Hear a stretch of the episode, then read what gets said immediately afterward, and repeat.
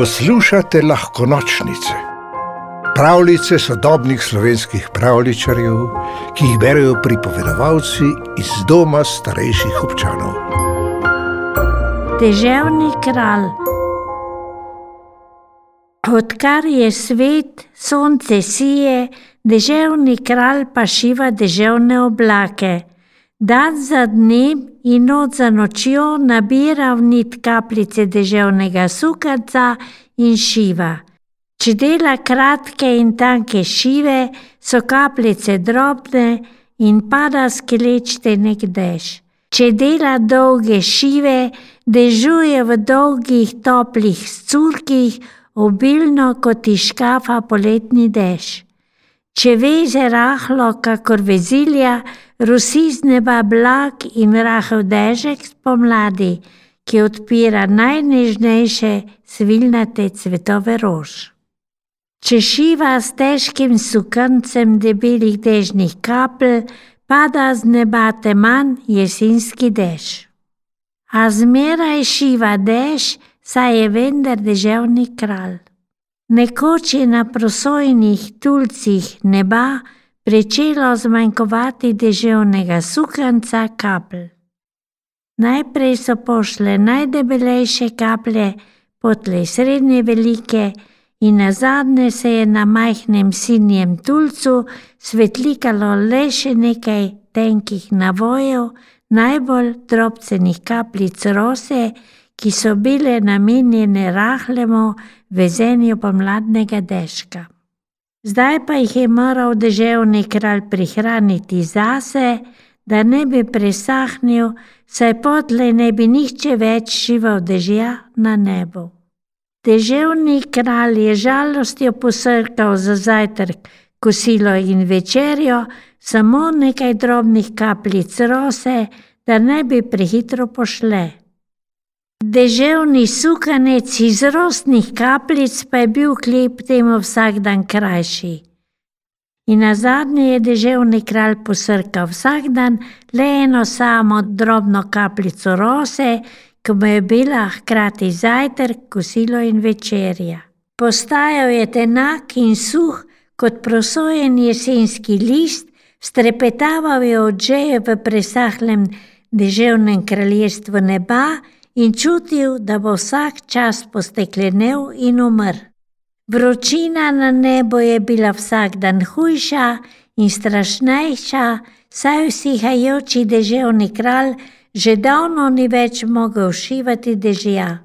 Poslednja drobna kapljica na sinjem tulcu ob njegovem prestolu je usihala, ko se je narahlo dotaknil z ustnicami. Ker ni bilo več dežja, je postalo prevroče tudi soncu.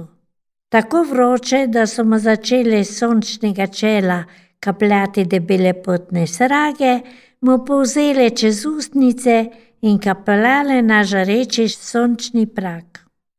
Poslednja drobna kapljica na sinjem tulcu ob njegovem prestolu je usihala, ko se je narahlo dotaknil z ustnicami. Ker ni bilo več dežja, je postalo prevroče tudi soncu.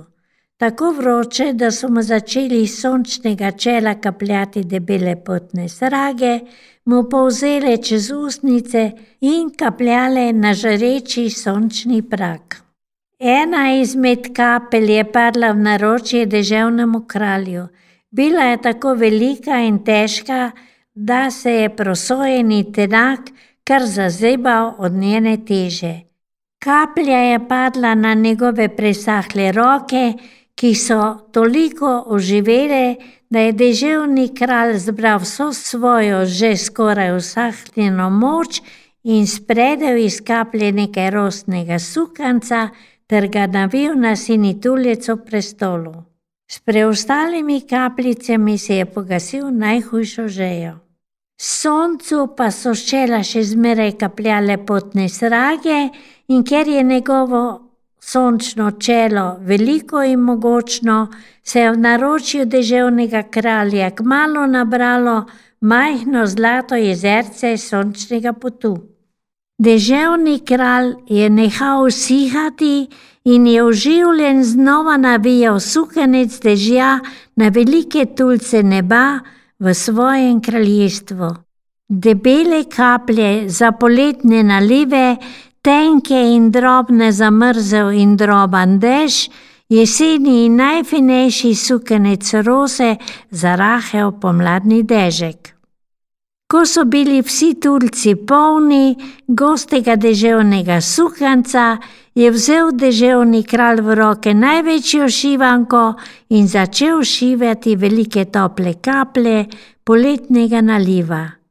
Iz neba se je olilo kot iz škafa.